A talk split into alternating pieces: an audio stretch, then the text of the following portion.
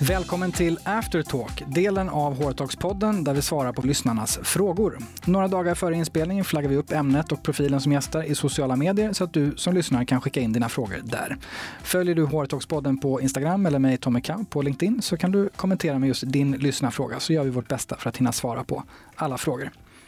Nu sitter jag här med Niklas Delmar, medgrundare av Hej Engagemang och vi har precis pratat om hur man maxar engagemanget hos medarbetarna. Hej Niklas, är du redo? Jajamän. Då har vi en fråga från Siri Vikander som är Director of People Growth på Scandic Hotels. Vad ska jag som chef sluta göra? Vad gör chefer som minskar engagemang?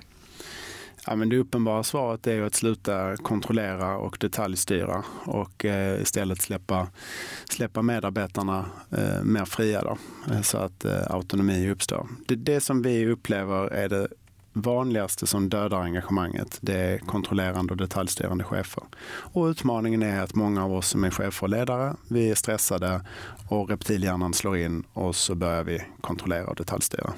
Nästa fråga är från Sladjana Gerbek, hårkonsult på Hårfokus.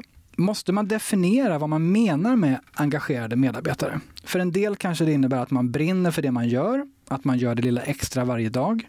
Samtidigt som en medarbetare som går från passiv till aktiv också kan kalla sig engagerad. Mm. Ska vi bena ut det lite? Ja, alltså det viktiga är att det inte blir en sån här potato, potato, tomato, tomato, engagemang, motivation, vad är vad. Det viktiga för mig är att vi skapar förutsättningar för välmående och prestation att uppstå.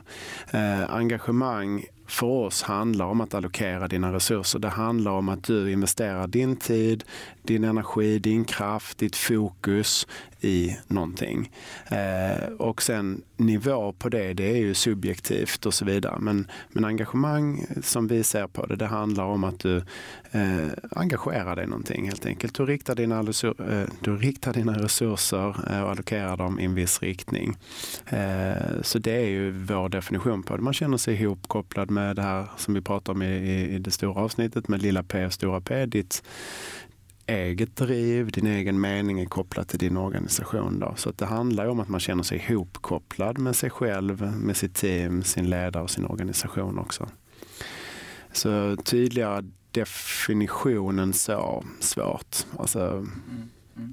Sen finns det en rad frågor vi ställer givetvis för att försöka ta fram någon form av index, men det är ju mer som en måttstock för att skapa ett nuläge och sen identifiera ett nuläge och kunna röra det mot ett önskat läge. För alla kan vi ju växa. Alla kan vi ju liksom gå till ett mer engagerat tillstånd. Och gör vi det så måste vi kolla att vi återhämtar oss och skapar utrymme så att vi inte brinner ut för att vi är för engagerade. Vilket eller hur stort ansvar har medarbetare för engagemanget på jobbet? Är det alltid chefens fel om medarbetare är oengagerade? Mm, mm. skarp fråga som har berört lite grann. Eh, I vår värld så är ju eh, både medarbetaren och chefen slash ledaren 100% ansvarig för medarbetarengagemanget. Och med det menar jag att det är både individens ansvar att skapa rätt förutsättningar för sig själv, eh, veta vilka förutsättningar jag behöver ha på plats för att ofta känna ett engagerat tillstånd och sen kommunicera det till min ledare. Och sen är det upp till min ledare givetvis samtidigt att då skapa de förutsättningarna som jag behöver. Så att för mig är det 100% ansvar hos både medarbetaren och ledaren. Det går aldrig och skylla på någon annan. Däremot så finns det situationer när den andra inte tar sitt fulla 100% ansvar eh, och då behöver man ha en dialog kring det. Eh, men både medarbetare och ledare har 100% ansvar enligt vårt sätt att resonera för att engagemang ska uppstå. Nästa fråga är från Jan Paulus som är rådgivare på TRR Trygghetsrådet. Kan du ge exempel på aktiviteter som effektivast skapar engagemang samt hållbar hälsa? Ja, det är återigen eh, själva liksom, eh, nuläget. Så här. Eh, den grundläggande aktiviteten är att ta reda på hur det ser ut idag. Sen är det att lära känna varandra. Alltså för att jag ska känna mig engagerad så behöver jag ju förstå mina egna behov, vad jag behöver för förutsättningar. Så att aktiviteterna som vi alltid börjar med, det är ju att på individnivå hjälpa individen att förstå vilka förutsättningar hen behöver och på ledarnivå, hur skapar jag då de bästa förutsättningarna? Ska man då ta en enskild aktivitet för att komma igång med det här så skulle jag säga att på individnivå så är det att fråga dina medarbetare, vad ger dig energi här på Trygghetsrådet till exempel? Eh, och vad tar din energi? Så att du säkerställer att hen börjar fundera på de här frågorna, visualisera det för sig. Så den övningen är väldigt, väldigt kul att göra. För du vill ju att dina medarbetare går hem vilar sig och återhämtar sig, men att de är mer sugna på att komma tillbaka imorgon än vad de var på att komma hit idag.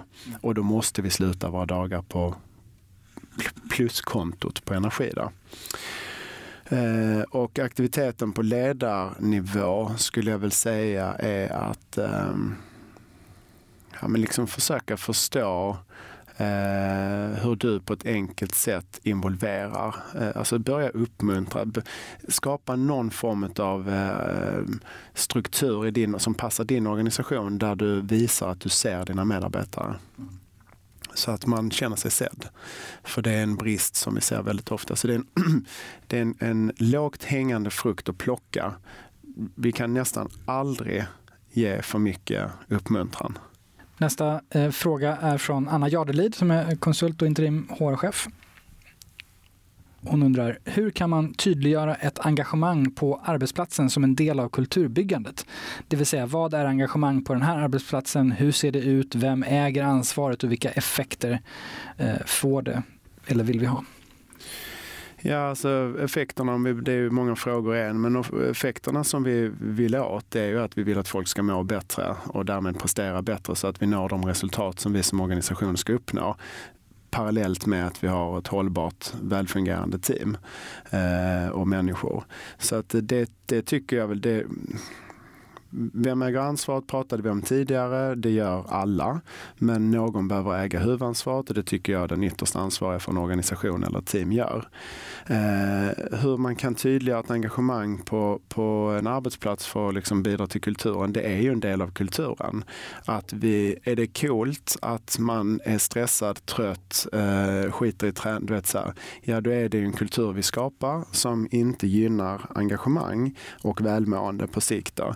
Men pratar vi en kultur om att det är fräckt att må bra och prestera bra samtidigt, ja då blir det en naturlig del. Men det handlar ju om kultur, struktur, beteende och mindset, de fyra komponenterna ihop så att säga. Så att det är svårt att bygga kultur utan att fundera på vilka beteenden vi vill ha och vilket mindset vi vill ha och då behöver vi en struktur för det. Så de där fyra hänger ju liksom ihop.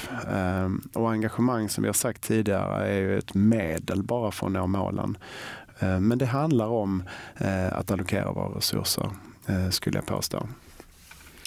Anna har också en fråga två. Hur kan vi lära organisationen om hur ett engagemang ska kännas, se ut? Samt hur varje medarbetare ska agera när, hur, om de känner att engagemanget sinar. Eh, en röd varningsknapp? Frågetecken, eh, skriver Anna. Ja, alltså ju mer vi kan synliggöra, ju, ju öppnare dialog, alltså ju mer tillit, trygghet och omtanke vi har i en organisation, ju enklare blir det för oss att vara ärliga och tala öppet om hur vi mår. Eh, och hur vi kan lära organisationen om hur ett engagemang ska kännas och se ut så kan man ju fråga, alltså när, när var du i flow senast? När kände du att tiden stod stilla eller försvann, vilket du nu väljer? När, när mår du bra och presterar på en hög nivå samtidigt som du tycker det är lustfyllt uppfyllda. Eh, och hur varje medarbetare ska agera när man känner att det börjar sina, det är ju att känna efter. Jag ställer mig själv frågan, det är en fråga man kan sno. Det är så här, är jag mer eller mindre sugen på att gå upp imorgon än vad jag var i morse? Så när jag går och lägger mig så ställer jag den frågan. Det är en av de frågorna jag mäter i den här Wave Life-appen. Och det är för att ge mig en indikator på att har jag gjort saker idag som gör mig ännu mer nyfiken på morgondagen och blir det rött för länge, då behöver jag ändra någonting. Och där kommer min röda varningsknapp in. Då. Eh, så det är en enkel fråga. Är jag mer eller mindre sugen på morgondagen än vad jag var på denna dagen? För att bara känna av liksom, hur engagerad är jag i mitt liv och mitt arbetsliv. Mm. Superbra tips och, och apropå frågan om eh, mätning och så vidare. Så du var inne på det tidigare i originalavsnittet att eh, vi behöver bli mer transparenta kring det här. Ja. Och en eh, sista fråga faktiskt från, från Anna som hade en tredje fråga. Hur mäter vi, apropå mätning, bäst engagemanget? Um, likväl som övriga resultat och mål eh, på både individ och gruppnivå. Har vi, eh, det här har ju lite att göra med att synliggöra det mm. vi pratar om precis. Ja, alltså engagemang är inte så enkelt. Då att man, för ställer du frågan är du engagerad i ditt arbete så svarar de flesta ja, för man vill inte svara nej på den frågan.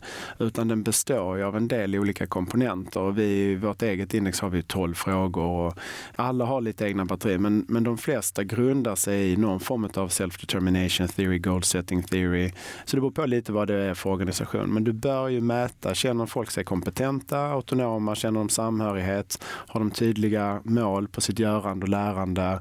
Eh, blir de uppföljda? Känner de att de kan utvecklas? Har de någon kompis som bryr sig om en etc. Så att eh, det, det, är ett batteri av, eh, av frågor snarare som liksom bygger eh, det som vi sen kallar för engagemang. Då. Mm. Men att det ska mätas är för oss jätteviktigt. För att det är en känsla, en känsla och den kan, behöver inte alltid vara rätt. Och då blir det en sanning ibland när man liksom låter hjärnan sticka. Eh, så att det är bra att visualisera och mäta. Tack. Sista frågan är från Linda Hugård som är rådgivare och expert inom, inom employer branding och personal branding. Och, eh, hon undrar hur viktig är den här energin du som ledare slash kollega utstrålar på jobbet varje dag i relation till engagemang? Eh, och vad är vårt individuella ansvar? Det här blir lite av en kanske wrap-up summeringsfråga för vi har varit inne lite på det. Mm. Vad svarar vi Linda? Eh, superviktig. Eh, och engagemang handlar inte om att vara glad hela tiden utan det handlar just om att jag allokerar mina resurser i rätt riktning. Så det jag utstrålar om jag kommer in på en arbetsplats och liksom, du, det är svårt att förklara, energi är ju väldigt svårt att förklara men man känner ju av varandras energier utan att bli spirituellt andligt flummig. Det känns liksom, jag känner ju det när jag sitter här mitt emot dig. Och är du på dåligt humör och sådär, ja då kan vi träna oss ibland till att uh, fejka det. Men det, vi påverkas enormt mycket av varandra. Så, så det där är en samhällelig fråga. Att antingen går jag runt och ser sur ut och då är det det jag sprider eller så ler jag faktiskt tillbaka och nickar till någon jag möter på tunnelbanan och så får den personen förmodligen en helt annan start på sin dag. Så det här gäller ju inte bara på arbetsplatser utan du påverkar din omgivning jätte, jätte, jättemycket och därför tycker jag ju att varje individ har 100% väldigt stort ansvar för att göra så gott vi kan. Vi kan ju bara göra så gott vi kan. Att, att liksom ge oss själva förutsättningar att må bra och prestera bra. Så ehm, eh, jätteviktigt att tänka på hur jag påverkar dig. Eh, för du påverkar sen Hugo och Anna och de du har runt omkring dig. Stort tack Niklas Delmar för att du ville vara med och svara på lyssnarnas frågor. Det är mycket uppskattat. Tack.